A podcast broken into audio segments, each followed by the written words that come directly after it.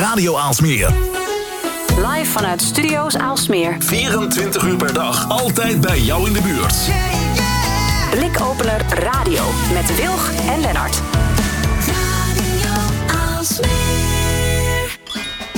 Het is maandag. Tijd voor anders. Tijd voor scherpte en innovatie. Tijd voor Blikopener Radio. Met Wilg en Lennart. Welkom bij alweer de 89ste aflevering van Blikopener Radio. Mijn naam is eh, Lennart Bader. Ja, en ik ben Esther Gons, a.k.a. Ed Wilg. en vanavond hebben we het onder andere over... Blockchain technologie. Ja, en crypto, valuta en dingen. laten we daar eens induiken. Ja, nou, een goed idee. Eh, natuurlijk ook eh, in deze uitzending de bijdrage van columnisten Dimitri Vleugel en Herman Kouwenberg. Herman heeft onder andere heel veel nieuwtjes over Twitter. Daar staat echt eh, het, eh, het nodige te gebeuren aan updates en eh, nieuwe toepassingen. Dus nou, lijkt me leuk om, om dat van hem te horen. ben heel benieuwd. Nou, verder wat ons opviel de afgelopen weken. En ja, daar heeft eh, Lennart zich in verdiept. Ja, een paar dingetjes gevonden. Eh, dus eh, eigenlijk zijn er genoeg redenen om te blijven luisteren. Als je nog niet geabonneerd bent op onze podcast, zoek dan gewoon op Blikopener Radio in iTunes of Spotify. Of ga naar de website blikopener.radio. En als je suggesties hebt voor leuke gasten, laat ons weten via mailtje post.blikopener.radio. Ja, nou, blockchain dus, zoals we gezegd hebben. Ja, Nou, waarom black, blockchain? Nou ja, goed. Misschien heb je de afgelopen weken eh, het nieuws meegekregen over eh, eh, bitcoins die ge- gecrashed waren. Mensen die dingen riepen op Twitter. Je hebt ongetwijfeld onze aflevering over NFT's en, en de blockchain eh, gehoord eerder een aantal weken geleden. Dus maar het wat, leek is, me. wat is het nou eigenlijk? Precies, het leek ons een goed Ja. moment om nou eens in te gaan op wat is dat nou eigenlijk, die, eh, die cryptovaluta en, en de blockchain. Eh, waarom roepen daar ineens allerlei van men- eh, mensen van alles over? of zijn ze heel erg teleurgesteld als er iets mee gebeurt? Dus dit is niet iets waarin we advies geven over beleggingen of Totaal waar jij je geld in moet stoppen. Geen verstand van mensen. Dit is dat is de meer de technologie erachter. Ja, Ehm, hè, dus dat, dat heeft natuurlijk ook met innovatie te maken. Wat kunnen we ermee? En waarom is dit zo interessant? En waarom gebeurt dit allemaal nu? Eh, dus de, de blockchain en, en wat het nou precies is. Laten we daar eens mee beginnen. nou, goed idee. Misschien Ja. gewoon eh, eh, one-on-one. Gewoon, wat, wat, wat, wat is een blockchain eigenlijk? Ja, wat is een blockchain? Nou ja, een, een blockchain heet eigenlijk zo omdat, eh, eh, omdat dat is hoe het werkt, zo'n blockchain, de technologie. Maar misschien moeten we even beginnen met het begin. En dat Mhm. is wanneer het nou ontstaan is, eigenlijk. Eh, en waarom het ontstaan is. Dat is ook wel interessant. Want je denkt, nou ja, dat is er, dat is er net, eh, een paar jaar, of, of dat bestaat net. Maar al sinds de. Nou, ja, ik denk de 90 jaren of, of midden 80 jaren eh, praten we eigenlijk al over het feit dat we een digitale economie hebben. En dat het misschien handig zou zijn om ook een digitale munt te kunnen hebben. Ja. Want ja, dat is logisch. Als je in een digitale economie met elkaar leeft, is het ook handig om dan ja, met elkaar ook eh, digitaal dat, dat, dat te kunnen onderhandelen of verhandelen wat je aan het doen bent. Mhm. Ehm, maar een van de lastigste dingen, en dat is eigenlijk net als waar we eerder over gesproken hebben met waarom is er eigenlijk nog geen eh, digitale manier van eh, stemmen. Hè, Ja. Daar hadden we een uitzending Ja. over. Ja, dat, ge- dat geldt ook voor die, voor die digitale eh, munt eigenlijk. Want wat je wil is dat die digitale munt heel veilig is. Hè? Dus je wil niet dat die digitale munt twee of drie keer uitgegeven kan worden. En er zijn natuurlijk nu ook al mensen die de echte munt gewoon eh, proberen te Vervalsen, ja. reproduceren. Ja, ja, ja. Nou, dat kan natuurlijk ook gebeuren met zo'n digitale munt. Sterker nog, dat is veel makkelijker. Dus, dus dat In theorie veel makkelijker. veel makkelijker. Ja. Dus dat wil je. Maar aan de andere kant wil je er ook voor zorgen dat die digitale munt dus anoniem uitgegeven kan worden. Net als normaal geld. Net als normaal geld. Dus Ja. in, jouw tientje zit ook niet een traceermethode in van waar jij het aan uitgegeven hebt. Nou ja, precies. Dat is net als met dat digitale stemmen. Ja. Dat maakt het dus zo lastig. Want Ja. hoe doe je dat? Hè? Dus hoe, voorkom je, hoe, hoe zorg je ervoor dat het dan wel opgeslagen wordt? Maar hier is er maar één van. Ja. Maar dat, dan, dat je dan niet weet als, als er iemand het uitgeeft. Nou, dat hangt aan iemand vast. Dus dat maakte het eigenlijk super lastig.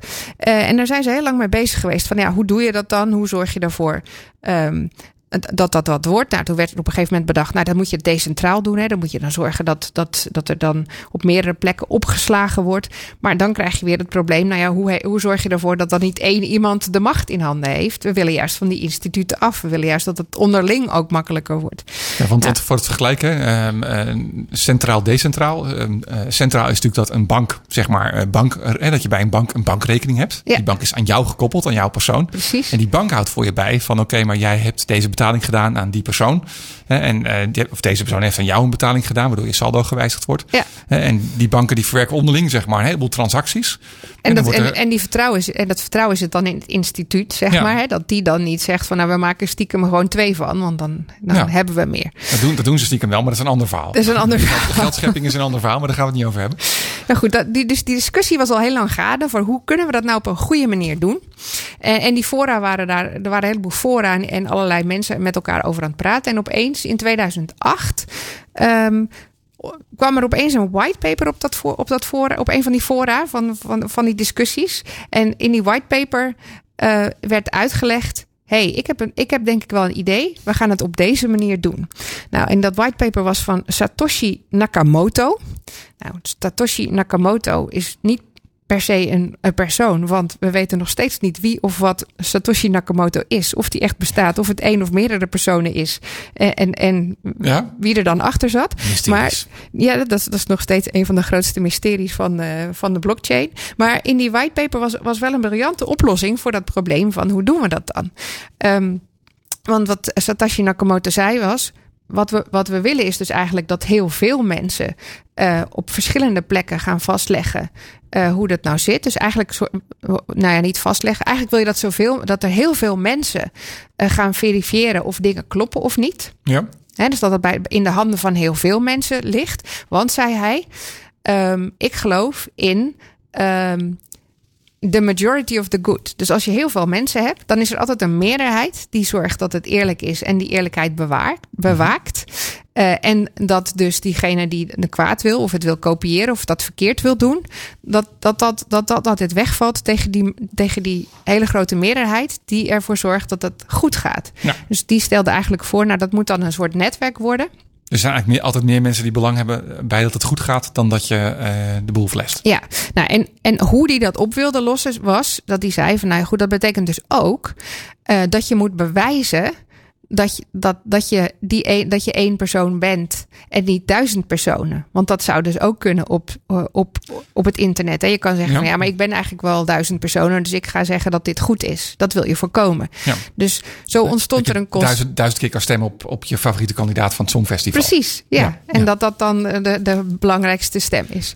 En, en, zo ontstond, uh, en dat was eigenlijk zijn concept. Dat heet proof of work. Dat als jij uh, iets wil vastleggen, dat je dan ook bewij moet bewijzen dat je één, twee of drie personen bent bij het werk dat je doet mm -hmm. aan, aan, dat, aan dat netwerk, zeg maar. Ja.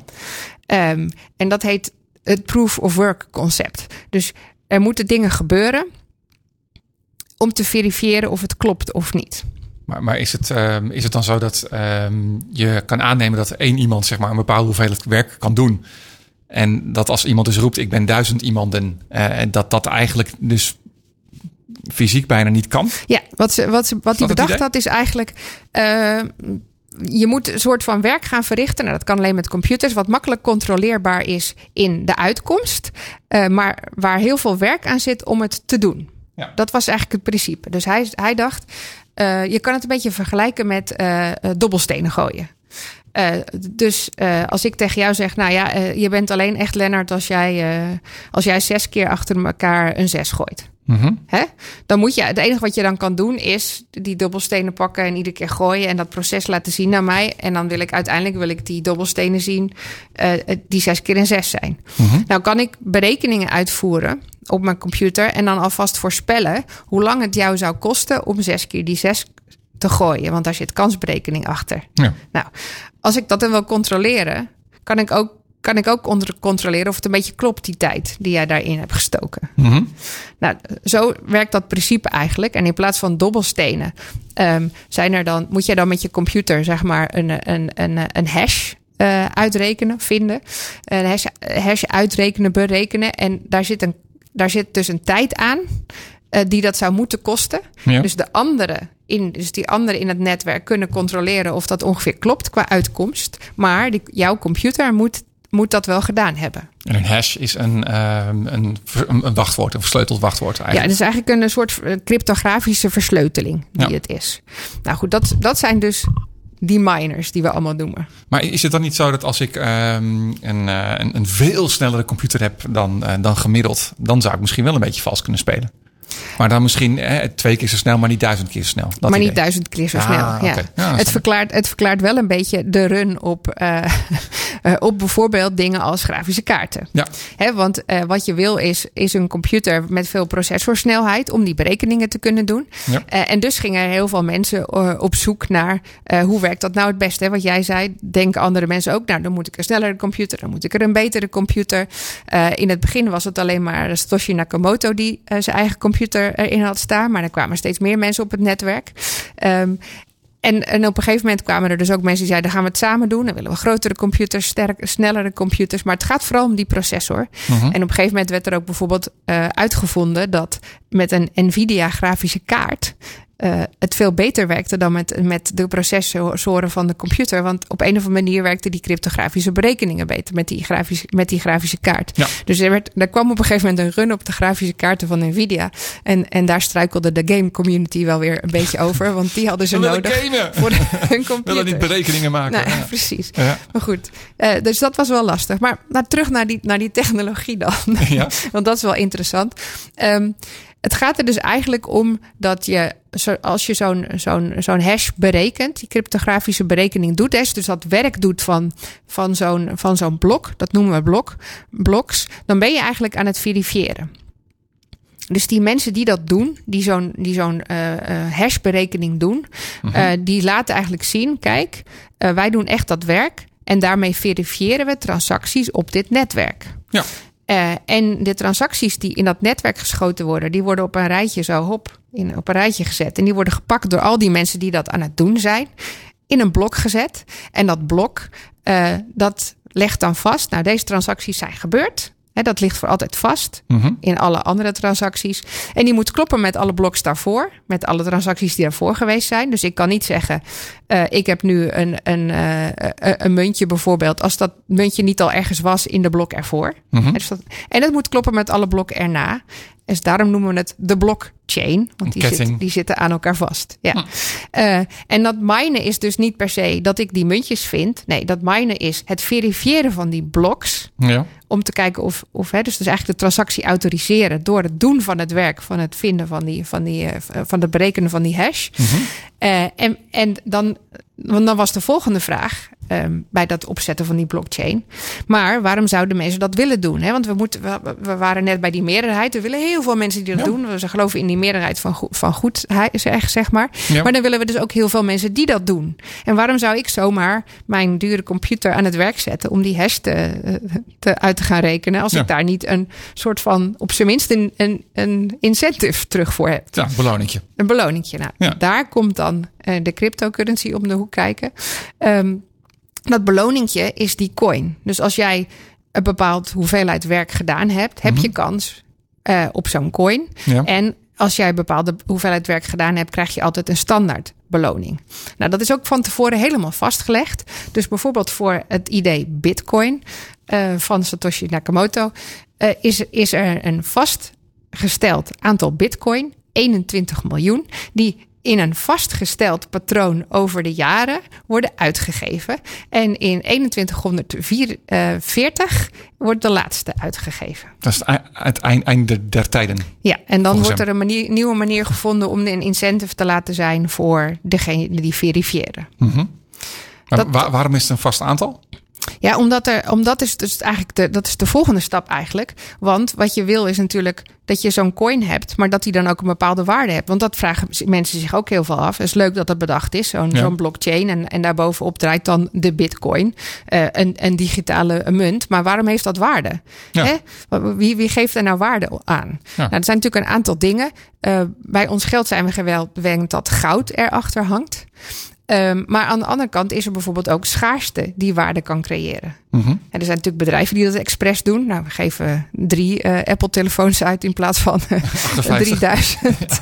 en dan hopen we dat dat eh, de waarde creëert. Ja. Maar, dat, maar die schaarste eh, en eh, dat het niet oneindig meegemaakt kan worden, zorgt ervoor dat er toch meer vertrouwen of, of waarde aan zo'n coin gehangen kan worden. Er zijn natuurlijk een aantal dingen die dat. Die dat eh, die je nodig hebt voor het creëren van die waarde. Het moet ergens nuttig voor zijn. Ja. En je wil dat mensen er, erop of erin vertrouwen. Ehm, het moet niet honderd keer nagemaakt kan worden, gaan worden, zeg Vandaar maar. dat, dat edelmetalen, zeg maar, eh, standaard goud. Standaard goud. basis is, zeg maar, achter. eh, hè, want daar is een beperkte hoeveelheid van. Ja, Er ja. zit er wat in de grond. Het is alleen hartstikke moeilijk om het eruit te peuteren. En, en dat was dan ook de gedachte er ach- eh, achter. Ik geloof dat in Amerika inmiddels goud ook niet meer acht, echt achter het centrale eh, geldsysteem ik ook. hangt. Ja. Dus ja, dat is natuurlijk hetzelfde bij Bitcoin. Dus, dus wat kan je ermee doen? Eh, nou ja, is er dan ook eens een bepaalde schaarste? En, en geloven mensen genoeg eh, in het systeem? Nou, hoe meer je ermee kan doen, hoe meer mensen in het systeem gaan geloven. Nou ja, en dan is die schaarste ook een voorwaarde. En dat is er ingebouwd van tevoren. Er is best wel goed over nagedacht, dus eigenlijk. Eigenlijk was dat echt geniaal. Dat, eh, dat- wat eh, Satoshi Nakamoto bedacht heeft. Ja. En nou, die is dat zelf ook gaan proberen. Die heeft dat met zijn eerste chains eigenlijk bewezen. Ja. En daarom is het nu ook, eh, denk ik, wel heel groot aan het worden. Ehm, en is er naast Bitcoin, wat dus eh, de cryptovaluta is die op de blockchain eh, draait van Satoshi Nakamoto, niet de enige eh, blockchain. Want er is ook bijvoorbeeld de blockchain van Ethereum. Die dachten, hé, hey, maar wij geloven hier ook in. We gaan onze eigen blockchain bouwen. Maar, maar kun je, kun je wat, wat is een, ehm, een blockchain nou? Eh, ja, fysiek is niet het goede woord, maar is het een, een tekstbestandje met een, eh, een hoop eentjes en nulletjes erin? Is het een, een Word-documentje bewijzen? Hoe, hoe ziet dat eruit? Heb je daar een idee van? Nou ja, een Word-documentje. Ik chargeer het even. Maar hoe, Nou, hoe het, werkt is, dat? het is wel van tevoren eh, geprogrammeerd. Want Ja? het is dus ook echt code. Hè? Ja. Ze noemen het ook computer, computing. Dus het zijn contracten die in code eigenlijk neergezet zijn. Maar iedereen kan de blockchain downloaden van, van Ja, het is, eh, dat is ook een, voor, ja, dat is een voorwaarde van die blockchain. Ook omdat er heel veel mensen dus moeten zijn om die verificatie te kunnen doen. Mhm. Wil je ook dat het een open source netwerk is. Dus je wil dat iedereen eh, erop kan, het, het kan inzien. Maar je wil ook Ja. dat iedereen diezelfde code kan gebruiken en her kan gebruiken. ehm, om niet alleen te verifiëren, maar ook om daar verder mee te, te kunnen eh, bouwen, bijvoorbeeld. Ja, maar het is ei- eigenlijk zou je, als je daarmee gaat eh, beginnen, dan, dan download je dus als het ware eh, de, de huidige blockchain. Maar die wordt natuurlijk steeds groter, want al die transacties staan erin vanaf het begin. Alle nodes vanaf het begin Alles staan begin erin. Dus dat Ja, wordt, uiteindelijk wordt dat steeds groter. Ik kan me voorstellen dat het steeds trager wordt. Dat hoor je nu ook, hè, dat het veel meer moeite kost om eh, de puzzeltjes op te lossen. Hoe zit dat dan? Nou, dat is volgens mij ook een gedeelte van het systeem. Hè? Dus dat het steeds meer moeite kost, dat klopt ook. Het gaat ook steeds langzamer. Daarom, Mhm. daarom is die berekeningen ook tot 2140 dat die bitcoins uitgegeven worden. Ja. Eh, en je krijgt ook steeds minder eh, beloning voor het, het verifiëren daarvan. Ja. Dat klopt. Maar je ziet ook steeds meer kritiek komen op. Nou ja, dat kost dus heel veel ruim, eh, processoren. Dat kost heel veel computers die eraan werken. Wat kost dat dan aan energie? Hè? Ja. Dus dat, onze, onze eigen Elon heeft het daar bijvoorbeeld ook al over gehad.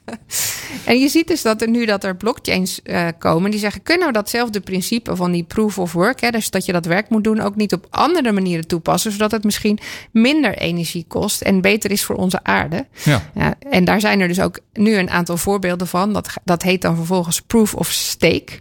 En dan gaat het niet om hele snelle proces- processoren, maar ehm, het vasthouden van, het opslaan van eh, die hash die je, die je dan hebt. Dus dan, de stake is dan dat jij dat stukje hebt. Dus dan ben je niet bezig met, dat, met het mijnen van die, van die hash, hè, maar meer om eh, eh, een stukje land te plotten. Van dit, in dit stukje land mag iedereen komen, maar dat staat bij mij opgeslagen. Ja. Maar daar, daar kun je kijken naar, eh, de, zoeken naar de hashes.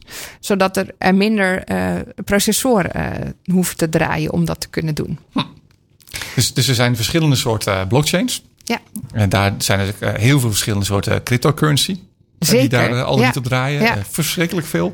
Er is heel veel over te doen. Ja. Ook mensen die er schat hemeltje rijk van geworden zijn. Mensen die eh, hè, koersen die eh, ontzettend ja, volatiel, hè, dus heel erg snel wisselend zijn. Heel Ja. erg eh, onvoorspelbaar. Is misschien een goede vertaling daarvan. Eh, mensen die er heel veel geld mee gewonnen hebben, maar ook heel veel geld mee verloren hebben. Ja, dat hoor je heel vaak. Hè? Van nou, dat, dat, hele, dat, dat hele bitcoin of, dat, of die hele cryptocurrency, dat is eigenlijk een beetje een piramidespel. Ja, Maar ja, ik weet niet of jij eh, belegt in eh, nee, cryptocurrency. nee, ik ben echt een noob op dat vlak. Oh ja, oké. Ehm, er zijn natuurlijk best veel mensen die dat doen, ook omdat ze zien dat andere mensen Ja. daar geld mee verdiend hebben. Dus dan denk ik, ja, dat wil ik ook. Eh, maar waar begin je dan? Dus dan roepen er. En wanneer begin je dan? Ja, precies. Precies. En in wat voor, voor munten dan? Want er zijn er zoveel. En dan roepen bekende mensen dingen over een bepaalde coin. En dan denk je, nou, dan geloof ik dat. En dan spring je daar met z'n allen in. Waardoor Nou, de waarde van het ding Waardoor de waarde van Ja. dat ding eh, fluctueert. Ja. Nou maar dat is ook precies het probleem. De meeste munten die dat hebben, noemen we meme coins. Ja, Dat zijn dus eh, inderdaad eh, crypto coins die eigenlijk niet per se op hun eigen blockchain draaien. Heel veel van dat soort meme coins waarvan, waar bekende mensen wat over roepen, eh, zijn, draaien vaak gewoon op Ethereum. Dat is eigenlijk het tweede netwerk na Bitcoin wat ontstaan is op, op, de, op hun eigen blockchain. En heel veel van die meme coins, ik weet niet of je wel eens van Doge hebt gehoord of Ja. waar Elon dan vrij vaak wat over roept. Die draaien eigenlijk op Ethereum. Ja, want op Ethereum kun je eh, zelf je eigen munt starten. Ja, Iedereen. precies. Iedereen. Dus ook heel ma- Dus daar zijn er ook ontzettend veel. zijn er ook heel veel die Ja. dat zomaar gestart zijn. En, Ja, daar, en je kan je eigen contractje daarin bepalen ja, en precies ja, bepalen juist omdat het open moet zijn, inderdaad. Nou, en die meme, meme coins maken het misschien ook wat lastiger om dan te onderscheiden wat dan wel, wel eh, iets zou kunnen zijn. En wat dan niet iets is. En misschien toch een beetje een piramidespel. Want als jij dat opzet en heel hard bekende mensen laat roepen. Dat betekent natuurlijk ook dat jij daar dan als eerste in waarde van profiteert. Tuurlijk. Eh, dus ja, daar, daar moet je wel een beetje mee oppassen, zeg maar. ik, ik hoorde ook dat uh, laatst iets van een uh, dat er een, aanleiding van die Dogecoin en zo, bla bla, dat, dat ook een muntje of Musk had iets geroepen of zo. Ja. En er was een soort protestmuntje tegengekomen, maar in het contract van het protestmuntje stond dat je hem dus niet kon verkopen. Dus dat was mensen, ja, ja, belachelijk, kopen, kopen, kopen, maar je kon ze dus niet meer kwijt. Je kon ze dus niet meer kwijt. Nee, nee. en zo gebeuren er Nee, hele grappige, rare dingen hele rare dingen. Ja. Je ziet ook dat het als er, als er mensen zo'n zo'n coin op de Ethereum blockchain eh, doen, dat het dan een soort gewoonte is om dan de helft van degene die je uitgeeft te geven aan Vitalik. Dat is de oprichter van de Ethereum blockchain. Mhm. Eh, en die had dan bedacht van ja, ik, ik word gek van al die meme coins. Weet je wat? Ik geef al die coins die ik vanaf nu krijg aan het goede doel. dus die had zelf een goed doel gekozen. Maar dat vonden dan de makers, makers van die, van die meme coin niet zo leuk. Want ja, dus er wa- waren ineens de helft van de muntjes naar een goed doel gegaan. Ja. dus, dus, dus dat gebeurt eh, inderdaad. Het is heel ingewikkeld en het is ook heel lastig, omdat er dus, uh, hey, dit zijn gewoon individuen, individuen die dit kunnen bepalen. Ik bedoel, uh, Elon Musk is natuurlijk invloedrijk, maar het is geen overheid. Ja, hij kan iets roepen en het heeft invloed. Uh, die, die, uh, wat jij zei, die oprichter van Ethereum, Vitalik, ja. Vitalik, die, die kan dingen uh, besluiten. En het heeft invloed, zeg maar. Nou ja, goed, hij kan dus niks. Hij kan dus wel besluiten dat de, de munten die hij heeft, dat Ja. hij die weggeeft. Maar hij kan dus, daar moet er wel even heel duidelijk over zijn, hij kan niks besluiten. eh, over Ethereum zelf. Want alles wat daarin besloten is, is vanaf het begin vastgelegd in de code waarop die Ethereum blockchain is gebaseerd. Ja. En dat kan dus niet teruggedraaid worden. Nee. En dat maakt natuurlijk de blockchain meteen ook zo super interessant. Ja. Ehm, Maar wat ik bedoel- bedoelde mee te zeggen is ook van je hebt natuurlijk geen regulering daarin. En dat is je- natuurlijk nee, wat een dat is het probleem waar. Je is. hebt En geen dat regulering. is volgens mij nu ook een van de issues met um, hè, waarom de blockchain, de bitcoin nu uh, onder andere uh, wat in koers gedaald is. Ja. Is omdat China aangegeven heeft van uh, nou, dat gaan we strenger op zijn. Of dat gaan we niet meer uh, op die manier. Ik denk dat het ook een toestaan. beetje valt of staat met um, daadwerkelijk gebruik. Hè? Dus nu Mhm. zie je dat er heel veel mensen ingesprongen zijn, vooral om het vast te houden. Hè? Ja. Dus speculatie vooral, uh, Ja. beleggen, dat soort dingen. Uh, terwijl je uiteindelijk er naartoe wil dat dit iets is wat daadwerkelijk gebruikt gaat worden. Ja. Uh, want, want hoe meer mensen erin geloven en het, en het daadwerkelijk ook echt nut heeft, hè, dus dat gebruik, dat maakt het uh, ook dat het minder, um, minder heen en weer kan gaan Ja. als er mensen maar gewoon iets roepen. Ja. Dus, en dat, dat, dat de markt of een economie of uh, uh, valuta heen en weer gaan als mensen iets roepen, gebeurt nu ook hè, in, de, in, de, in de wereld. Dus Ja, ons eigen geld gaat. Aandelenkoersen. En dat Nou ja, ik weet niet, als Trump iets riep, dan deed het niet ook altijd iets in de markt. Ja. Dus dat is niet heel raar. Alleen dat het nu zo heel volatiel is. Dat komt natuurlijk omdat er nog heel veel speculatie op zit en beleggers in zitten. En Ja. dat het nog te weinig echt gebruik heeft. En hoe meer dat gaat gebeuren, hoe minder volatiliteit er in het systeem zou kunnen komen. Nou denk ik dat, eh, ik ben natuurlijk geen expert, maar als je eh, hoort over bitcoin, dat het best wel lang duurt om een transactie te doen. Dat de transactiekosten, hè, want dat zei je net ook al even. Je kan Ja, dat noemen ze dingen. gas, noemen ze dat. Precies. Maar dat dat zeg maar dus ook best wel hoog is. Hè, dan is het niet iets dat heel praktisch is. Van nou, daar doe ik even een kopje koffie mee bestellen. Maar dat zijn met, met Ethereum of met die andere munten die daarop draaien, is dat wel weer makkelijker. Ja, er zijn dus nu eh, die nieuwe blockchain, blockchains waar, je, waar we het over hebben. Bijvoorbeeld, eh, eh, je hebt bijvoorbeeld Chia, Polkadot, Polygon, eh Neer. Nou, Neer is bijvoorbeeld een blockchain die is bezig en die zegt: hé, hey, maar die transactie, hè, dus die gas, die kosten, dat is eigenlijk, zorgt er eigenlijk voor dat we het niet normaal kunnen gebruiken. Ja.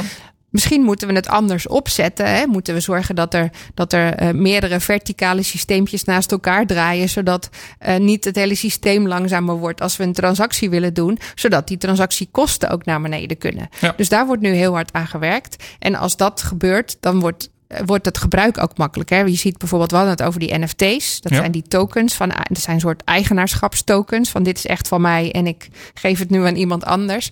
Dat zijn ook transacties die op die blockchain geverifieerd moeten worden. Dus hoe meer daarvan komen, hoe beter dat transactiesysteem dus eigenlijk in elkaar moet zitten. Ja. Dus ja, dat, dat, dat, daar is nog heel veel in te doen. Maar Techniek is heel interessant in ieder geval. Sowieso. Ja. Losstaand van het hele eh, het geldelijke verhaal, zeg maar. Of de, de, de, de, speculatie of eh, hoe je dat doet. En ik denk, als ik er naar kijk, denk ik dat bitcoin met name iets is waar mensen inderdaad in investeren of op speculeren. ja, En dat het niet daadwerkelijk een praktisch nut zal gaan krijgen in eh, het dagelijks leven om ze uit te geven. nee. Nee. en dat werkt dan net als met aandelen. Ja, het wordt meer waard en lange termijn. En dat soort dingen die je er altijd over hoort. Ja, gokken, laten we het even Ja, vasthouden. het- ja, dat. Weet je wel dat? En dan, dan Ja. kan het inderdaad invloed hebben als mensen daar iets over roepen. Ehm, maar het is wel, en NFT's vind ik wel een mooi voorbeeld van hoe, je, eh, hoe het praktisch wordt. Ja, en NFT's is een van de voordelen waar het praktisch wordt. Maar dat zijn natuurlijk ook, dat, dat, onder andere zijn, kan dat door die smart contracts. En die smart contracts kunnen door die blockchain technologie. Dus wat je ziet is dat we, wat we eigenlijk aan het doen zijn, is eh, allemaal computers aan elkaar koppelen. Dus we hebben een peer-to-peer netwerk gecreëerd, eh, als het ware. Waarin vooraf al contracten afgesloten zijn over hoe we dat gaan doen en wat we gaan regelen. Ja. En dus wat we eigenlijk doen is, is zorgen dat er op iedereen's computers dezelfde soort software draait. Dat die open is voor iedereen. En dat dat vooraf gereguleerd is. Dus als jij zegt, nou ja, ik bouw iets vets, want er is een Facebook-netwerk. Dan moet je altijd bang zijn dat Facebook zegt van, nou ja, ik ga het misschien toch anders doen. Of als jij zegt van, ik ga Ja. voor de, voor de, weet ik voor wat voor bank, ga ik een, een app zodat iedereen eerlijk, op een eerlijke manier geld kan uitgeven. Dan kan die bank zeggen, ja, ik weet het niet. Ik, ik heb altijd gezegd dat ik dat altijd zou doen, maar ik ben het er toch niet helemaal eens. Ik, ik draai het terug. Ja. Nou, dat kan dus met die blockchain niet. Dus we hebben een ontzettend groot computer. ehm, netwerk gecreëerd met open source software die we gelijk aan alles kunnen draaien. Dus, en waar we in vooraf afspraken in hebben vastgelegd. Wat zoveel betekent als dat wij nu andermans eh, code kunnen gebruiken om verder op door te borduren. Dat is dan ook, die code is in sync met elkaar. Daar kunnen we verder op gaan. En hoeven we niet bang te zijn dat dat teruggedraaid wordt. Nee. Dus dat, dat hele principe van die blockchain en hoe we daar met, met computing of met software en, en programmeren op verder kunnen gaan, dat is het meest interessante. Want daardoor kunnen er dingen als die smart contracts. Ja. En dat is volgens mij hetgene waar nu de hele grote innovatie in zit. Als we daar echt op verder kunnen eh, doorborduren. En daar komen de interessante dingen vandaan. Dat we ehm, zonder instituten ertussen dingen met elkaar kunnen gaan doen. Eh, dat er, dat er eh, software op software gebouwd kan worden die heel open is. Waar mensen niet meer bang hoeven te zijn dat iets teruggedraaid wordt. En, en daardoor veel meer kan, gezamenlijk, Ja. in een groot netwerk. Ik denk dat dat eigenlijk... Nou ja, dat zou eigenlijk de waarde moeten gaan zijn van die, van die blockchain-technologie. Ik kan me ook herinneren dat een van onze eerdere gasten eh, aangaf hoe het eh, bijvoorbeeld bij vliegtuigonderdelen gebruikt kan worden.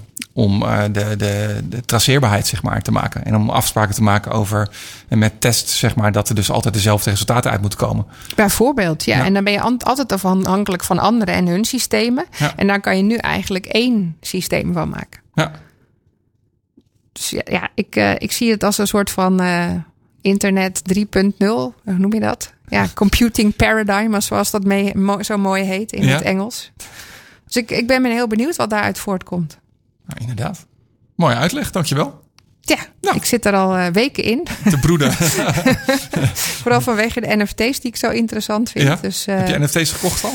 Nee, NFT's is niet iets wat je kan kopen. Hè? Dus je hebt token, want een NFT is een token. Dus dat is eigenlijk een soort Nou, van. heb, je, heb je kunst gekocht bijvoorbeeld? Ja, nee, nog niet. Mhm. Ik heb wel gekeken overal.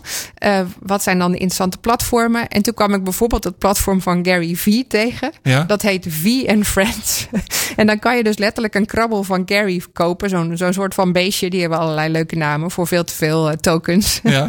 Eh, nee, het- ik, ik vind het interessanter om te beginnen met het minten van een token. Dus dat ik, dat ik bijvoorbeeld kunst daarop kan zetten en dan, eh, en, en dan kijken of daar iets mee kan en hoe dat dan, hoe dat dan werkt.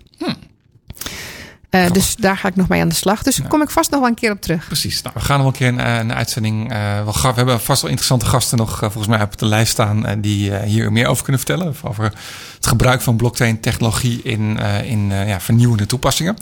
Ehm, inmiddels ook eh, eh, via de Zoom digitaal aangeschoven. Columnisten Dimitri Vleugel en Herman Kouwenberg. Heren, eh, zitten jullie in de crypto? Nee. ik, heb, ik zet net in de chat. Ik heb zoveel vragen. Ik heb nu echt. Ik, Oh ja, deze eh, chat staat Kun je het nog een keer overnieuw doen? Want ik snap nog niet alles. Ja hoor, dat kan. Wat wilde je weten? de vraag is natuurlijk of ik al helemaal Maar ik alles heb eigenlijk ook heel veel vragen over. Ik heb eigenlijk ook heel veel vragen over eh, het energieverbruik, waar ik eh, niet al te florissante dingen over lees. Ja, nee, dat klopt. Maar dat, dat heb ik net een beetje uitgelegd. Ik weet niet of je daar al aangehaakt was, eh, Herman. Oh, pas te laat. Ja, want er zijn al nieuwe blockchains die daar rekening mee houden. Nou, Goeie wat, ontwikkeling. wat, wat nog een vraagje van mij is, hè, is, is ehm, willen we nou dat eh, dit het, het een regulier betaalmiddel wordt, zeg maar? Dat het ons eh, oude vieze geld gaat vervangen? Want dat gebeurt nu al een beetje, want als ik, als ik een bitcoin wil kopen, dan moet ik oud geld pakken en dan aan het nieuwe geld uitgeven. Ja, Dus een stukje van mijn oude geld gaat weg en er komt een stukje nieuw geld voor terug. Dus als we dat straks allemaal gaan doen, dan verdwijnt het oude geld en komt er nieuw geld. Maar wat ik ook interessant vind is, ehm, is dat wat een negatief aspect van ons huidige geld is, is dat er een aantal, heel weinig mensen heel veel macht hebben over dat geld. Maar dat kan natuurlijk ook wel eens in je voordeel zijn. Bijvoorbeeld eh, met inflatie in een land, dat je bepaalde beslissingen kunt nemen om een economie te redden. Eh, als we straks ehm, een, een, dergelijke munt hebben, waar heel veel mensen invloed op hebben, ehm, is, dat, is, dat, is dat ook iets wat kan? Of, of hoe moet ik dat zien? Ja, dat, is dus, dat valt dus weg. Hè? Dus die regulering van bijvoorbeeld zo'n Europese bank, centrale bank, die zegt van ja, dat gaat niet helemaal goed. Of, of de Italiaanse overheid die dan zegt, we hebben weer eens inflatie nodig om onze economie te redden. Dat is natuurlijk precies wat wegvalt. Want dat is Ja. wat, wat zo'n zo'n zo'n blockchain doet, is eigenlijk zeggen van ja, we doen het gewoon van, van een persoon tot persoon. En dat leggen we vast in deze eh, decentrale data, eh, database van, van blocks. Ehm, en dat wordt door niemand gereguleerd. Eh, of eigenlijk door heel veel mensen eh, eh, beheerd en geverifieerd, maar door niemand echt gereguleerd. Dat is het hele principe natuurlijk. Dus dat valt met blockchain dan volledig weg. Maar of het een, een nationale munt kan vervangen, dat is wel farfetched, denk ik. Ja, ik, het, is, het hangt ook niet aan een land natuurlijk, zo'n zo'n zo'n digitale munt. Het, is, het wordt uitgegeven door. Maar ja, kan- je kan je bijvoorbeeld, als je praktisch voorbeeld hebt, als jij nu ehm, eh, geld wil overmaken naar een moeilijk buitenland, eh, dat, dat, dan heb je een Wells Fargo of zo nodig. Ja. Dat kost verschrikkelijk veel geld met commissiekosten en, en met checks en met gewoon eh, hele traditionele dingen. Ja, met een Ethereum ehm, of een willekeurige crypto eh, valuta kan dat dus zeg maar zonder die tussenpartijen en kun je dat dus wel overmaken aan familie in een vreemde. Nou ja, dat klopt, ja. Maar ik vind het wel een goed punt van, eh, van Dim. Want dat, dat, is, dat is volgens mij ook wel de reden waar, waarom volgens mij centrale banken wel moeten gaan nadenken over ehm, hoe ze daarmee om willen gaan. Ja. Die cryptocurrencies. Nou ja, en je hebt natuurlijk verschillen in verschillende landen. We- Maar is, is het ook niet weer. Is het ook niet weer eh, het geval dat, eh, om, om het maar even op zijn goed Nederlands te zeggen, dat de haves weer alle macht krijgen en dat de have-nots eh, weer achter de boot gaan vissen? Want eh, je ziet dat afgelopen weekend kan een Elon Musk kan, eh, met één tweet eh, de, de, de koers van de bitcoin bijna halveren. Uh, en dat kan hij alleen maar om, omdat hij voor iets staat en, en een zekere hoeveelheid macht meeneemt, omdat hij ook een hele hoop bitcoins heeft en uh, zeg maar het, hele proces kan manipuleren. Geven we niet, kijk, een overheid en een centrale bank, die, die, die zijn nog enigszins uh, geëmbed binnen democratische, democratische instituties. En, nee, dat, uh, dat Elon Musk ja, dat mijn, kan. Mijn, dat ik, kan ik, misschien, misschien, kan ik het toelichten. Ik, ik ben een oude anarchist. Ja. Dus toen, toen, ik een jaar of 15, 16 was, liep ik met, die, die, met crash buttons en dergelijke rond. En ik, ik, ben er nog steeds, ik sta er nog steeds heel sympathiek tegenover. Maar ik heb op een gegeven moment kwam ik tot het inzicht dat het, anarchie in de praktijk, en daar, daar moet je dan toch aan toetsen, toch meestal neerkomt op het, macht, op het recht van de sterkste. En daar sta ik, stond ik dan weer niet zo achter. Als uh, ook nog uh, redelijk sociaal bewogen. Ja. ik snap wel wat je bedoelt, uh, Herman.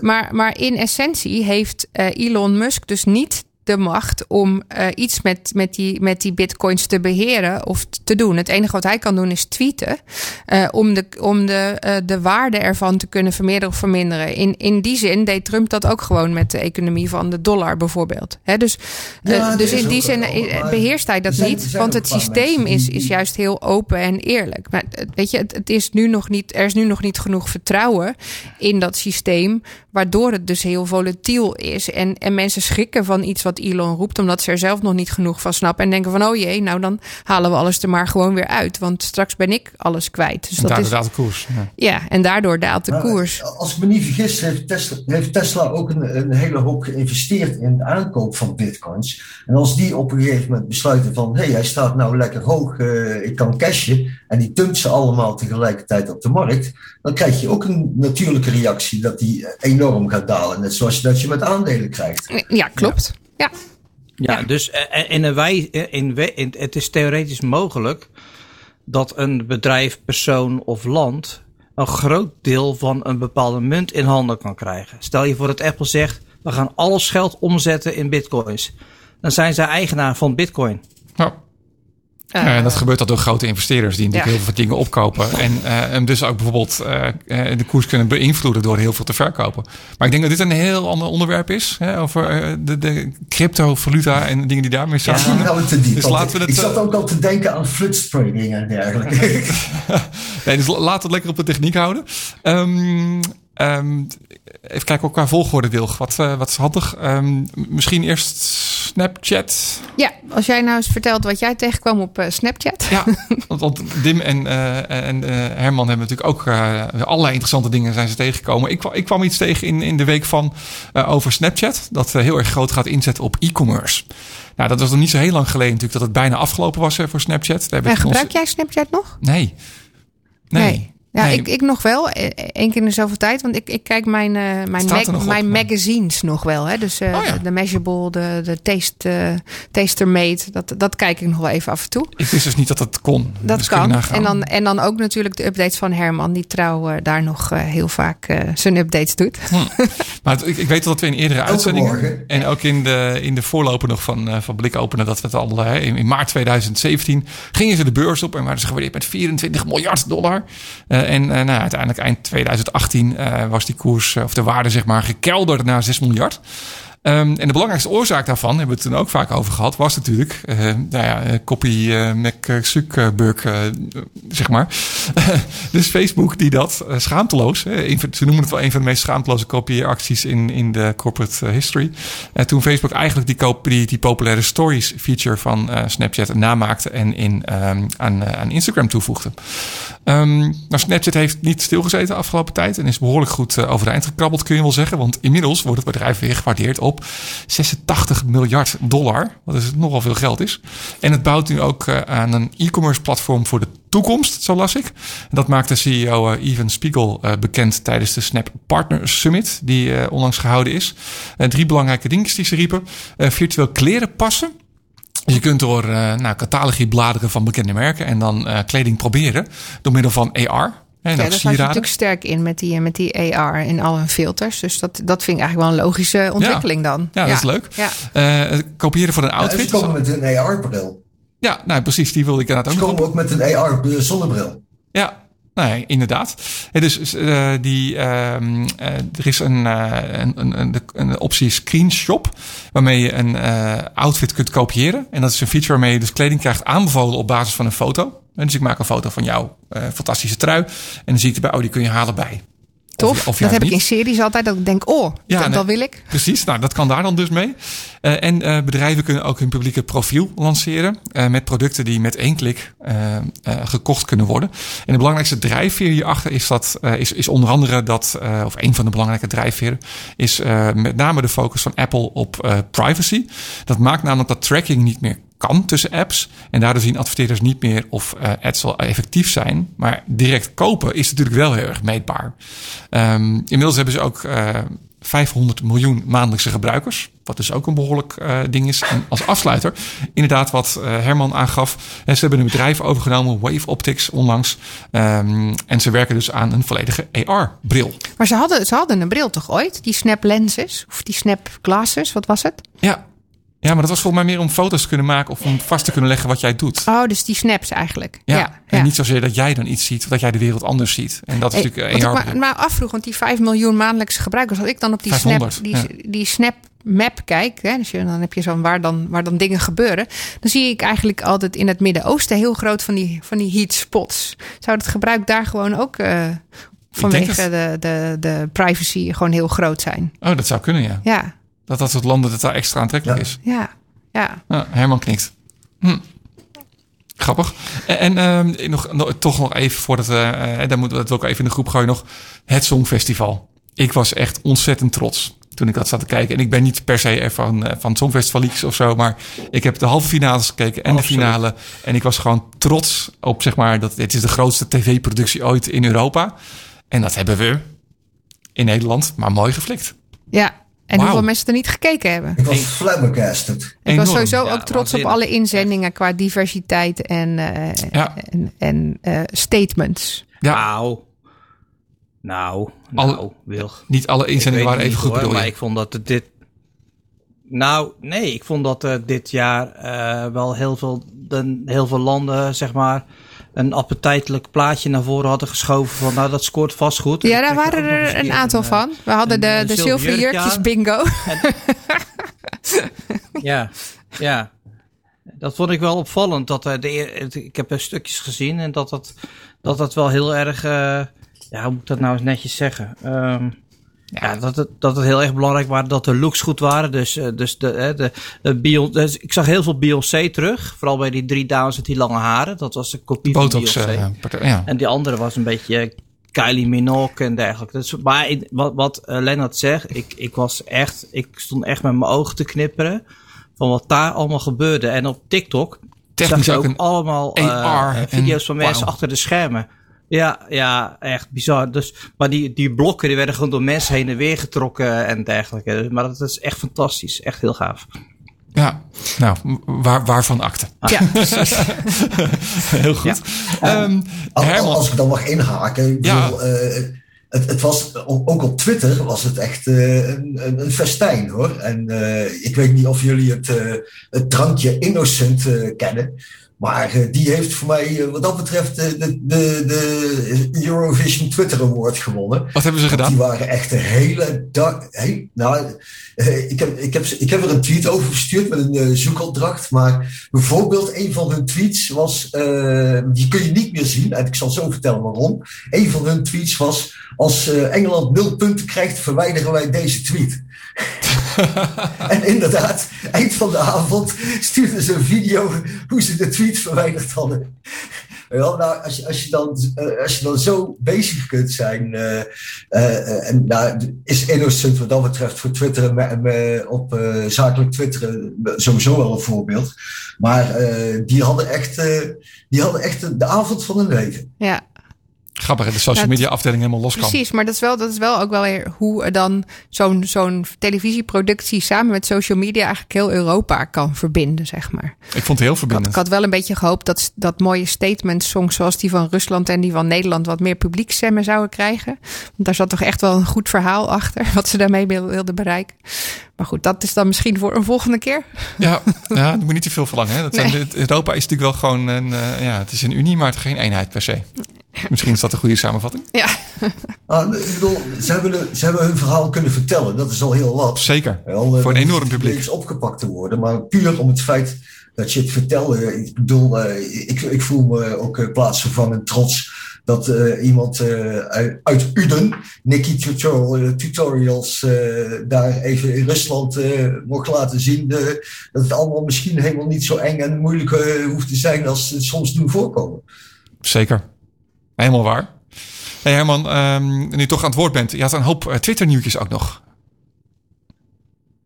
Ja, ik bedoel, eh, de, de, Twitter staat niet stil. Eh, ze zijn e- enorm druk aan bezig. Dus het, het begon ermee dat een tijdje terug het verificatieproces weer voor iedereen geopend is. Dus als je nog eh, behoefte voelt om daar op in te springen. Er zijn een zestal categorieën. Of je moet een eh, overheidsinstantie zijn, een bedrijf, merk of organisatie, een nieuwsorganisatie of een journalist een, eh, uit de entertainment zijn, eh, uit de sport of gaming komen. Op zich wel grappig dat ze die dan ook aan elkaar gelijk schakelen. Ja. Of een activist, organisator, is- organisator of een andere influential ben. En eh, dus je, kunt eh, weer eh, opgaan voor het blauwe vinkje. Je, hebt, je hebt er niet heel veel aan. Je krijgt een aparte eh, dat je alleen maar de, de, de, reacties van andere blauwe vinkjes kunt zien. Maar in mijn geval is dat bedroevend laag. Dus ik heb ook altijd maar gewoon eh, mensen nog openstaan. Maar dat is niet het enige. Waar we het net hadden over commerci- commercie en eh, zeg maar eh, dingen ten gelde maken voor social media platformen. zijn er twee nieuwtjes waar eh, Twitter de beleggers positief mee verraste. En dat is allereerst Twitter Blue. Twitter Blue is een, is een aantal nieuwe diensten die je tegen betaling gebruik kunt maken. Dus zoals het er nu uitziet gaat Twitter een, een abonnementsvorm aanbieden. En die heet Twitter Blue. En daarmee krijg je de, zeg maar allerlei extra diensten. Waarvoor overigens welke diensten dat dan zijn eh, nog niet helemaal eh, bekend is. Maar je, kunt dan denken aan superfollows. Maar ook eh, Twitter tipjar die ze deze maand geïntroduceerd hebben. Dat je mensen voor je kunt geven. En dat soort dingen. En daarnaast komen ze met Twitter Spaces, waar we het al vaker over gehad hebben. Die krijgen, organisatoren krijgen daar binnenkort de mogelijkheid voor om daar geld voor te vragen. Dus dan kun je een abonnement eh, opzetten in plaats van, eh, nou, zeg een betaalde podcast. Waar je op kunt abonneren als je die regelmatig houdt. Ah, dus dan kan ik pakt mijn... daar, mijn- eh, 20% van nadat Apple er 30% van gepakt heeft. Je zei wel? Nou, dan kan ik daar mijn open office hours betaald houden in plaats van op Clubhouse voor iedereen. Dat is een Ja. beetje het idee daarachter. Ik wil, ik, heb, ik heb gelezen dat eh, Clubhouse het eh, op iOS ook eh, aan het testen is. Android. Maar eh, ja, Twitter gaat het gewoon introduceren. Oh, sorry. Ja, nee, ja, ik snap wat je wilt. Op iOS gaan ze testen of ze betaalde functie kunnen doen in Clubhouse. Ja. Ja. Ah, ja. Ze moeten Ja. toch een, een businessmodel het is, ergens het is net voor Android, Android beschikbaar, dus eh, daar pakken ze het nog, nog, nog niet zo op. Eh, voor, voor de mensen die, eh, een van de dingen die eh, bij audio heel snel naar voren kwam, was het feit dat doven en slechthorenden aan audio helemaal niks hebben. Wel, die, die, die kunnen het niet zien. En als het toch video is, kunnen ze nog een beetje proberen te liplezen. Nou, daar komt goed nieuws voor. Twitter gaat binnenkort volledig automatisch audio en video ondertitelen in de eigen taal. Dus eh, dat, is een mooie, dat is een mooie aanvulling. Eh, ik ben al- altijd heel voor, heel ja, groot voorstander. Ik heb eh, mijn geluid altijd uitstaan op social media. En zeker op, op die selfie-video's op LinkedIn heb je daar helemaal niks aan. Want ja, ik ga hem ook niet aanzetten of een koptelefoon ervoor pakken of iets dergelijks. Dus ik negeer het gewoon. Maar je kunt het straks al volledig ondertitelen. Overigens, als je toch iOS hebt, Clips doet dat al. Ja, en dat deden ze ook al met eh, Spaces, eh, Herman. In Spaces was al de optie eh, transcribe. Dus automatisch als jij een, een, zo'n Twitter Spaces... Maar, maar alleen in het Engels, toch? alleen in het Engels, ja. Ja, nee, en, dit, wat ik gehoord heb, gaan ze zelfs de kleinste talen. Dus eh, als de plannen gaan doorgaan zoals ik ze, ze gezien heb, eh, ondersteunt hij straks ook Fries en dergelijke. Dat is Nou, heel dat- interessant. eh. En, en of dat dan ook een beetje goed gebeurt. Want in het Engels komt, komen nog wel eens dingen voorbij waarvan je denkt, maar ik zet het maar weer uit. ja. Dus of dat ook met andere talen kan dan. dat vind ik wel heel knap als dat kan. En misschien zou het ook. eh, ik bedoel, maar ja, zoals we misschien wel, we hebben het hier al er vaker over gehad, dat Star Trek een enorme inspirator is. En dit is gewoon de Universal Translator. True. Ja, die heb ik gewoon hier dat, zitten eh, en dan ook klik. nog eh, Ja. eraan koppelen. Ja. Als ze, dat, als ze in de eigen taal eenmaal onder de knie hebben, ja, dan, dan, dan eh, is het maar een kleine eh, stap om te zeggen dat je de taal van je keuze wil. Dat is gewoon dan Babelfish dan. Ja, Babbelfish. Nou, eh 19, eh, of uh, Hitchhiker's Guidebook reference, altijd plus 1. Ja, Twitter-test eh, daarnaast. Twitter-test eh, voor de mensen die het niet snappen, ga het boek maar lezen. Eh, Twitter-test daarna een eh, nieuwe About-tab. Eh, dus in plaats van dat je alleen de tweets ziet, krijg je een soort uitgebreidere versie van de info die je nou al rechtstreeks onder het profiel hebt staan. Maar wat je daar dan bijvoorbeeld ook kunt aangeven, is welke aanspreekvorm je graag hebt dat mensen voor je gebruiken. Of je they, them, of he, him, of she, her wil gebruiken. Dus, dus je kunt er ook gelijk aangeven wat voor een eh, ding het is. En je kunt daar ook de vertalingen en dergelijke. En of je je eh, account bevestigd hebt. Bevestigd eh, met een telefoonnummer of iets dergelijks. Wel, dus dat, dat zal het, het trollen weer een beetje moeilijker maken, dat laatste stukje. Nou, het volgende is dat Twitter is heel erg bezig. Ik weet niet of jullie gemerkt hebben, maar ik heb de laatste tijd heel veel volgers verloren. En als ik dan, ja, ja ik, ik houd dat bij.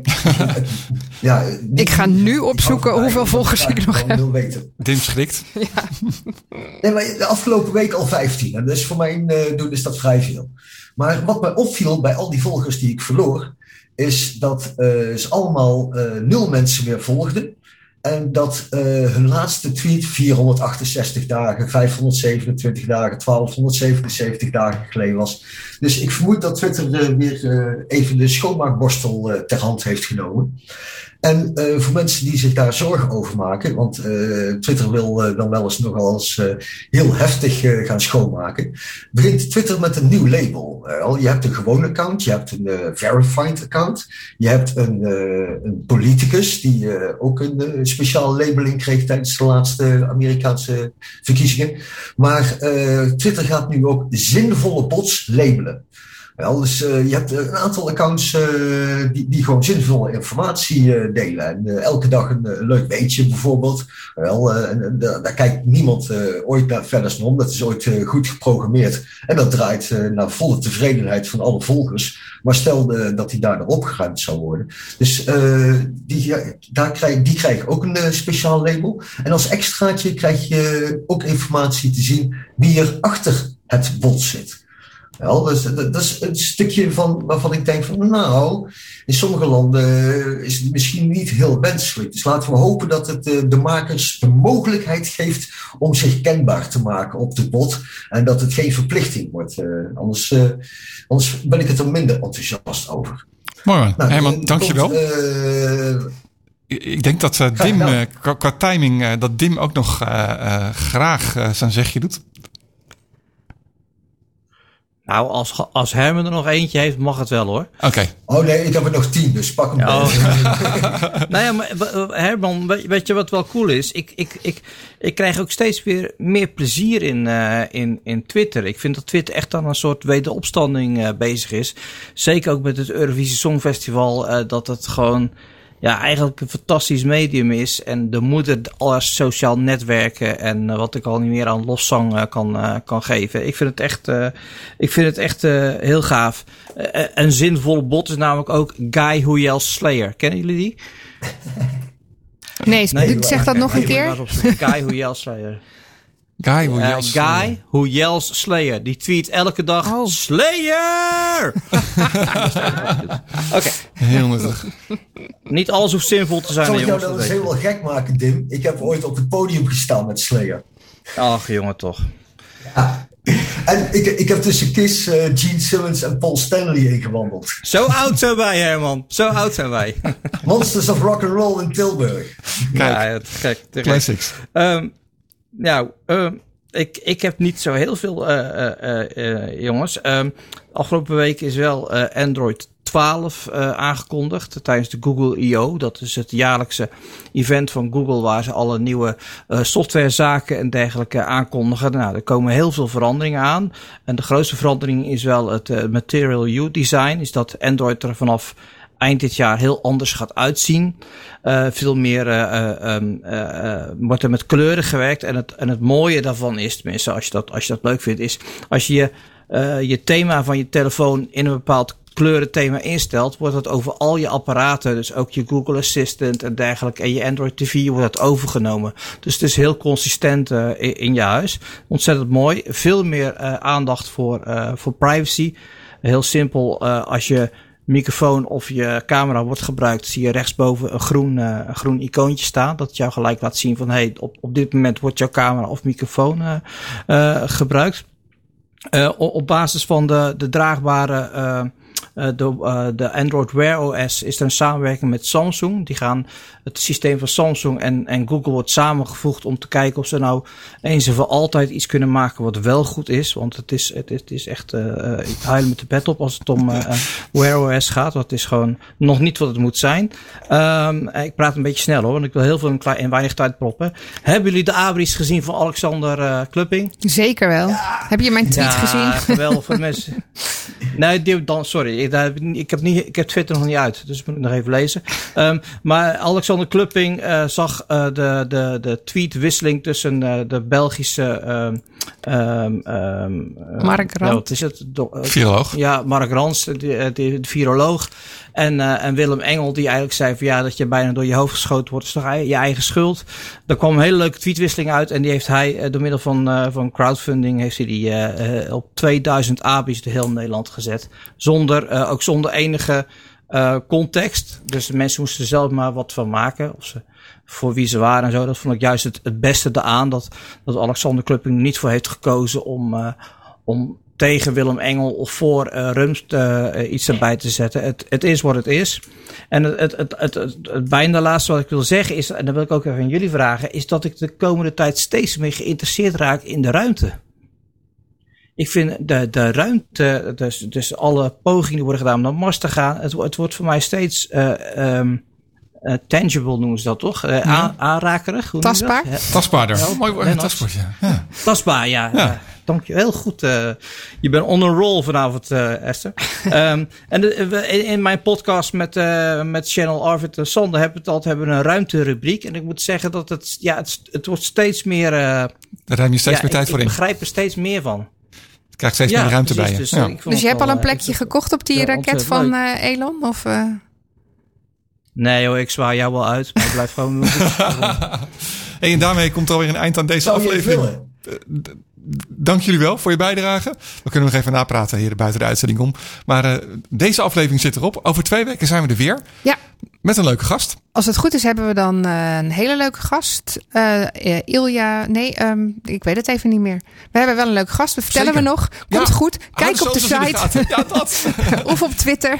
En, dan hele- wensen we jullie een fijne week. Fijne weken.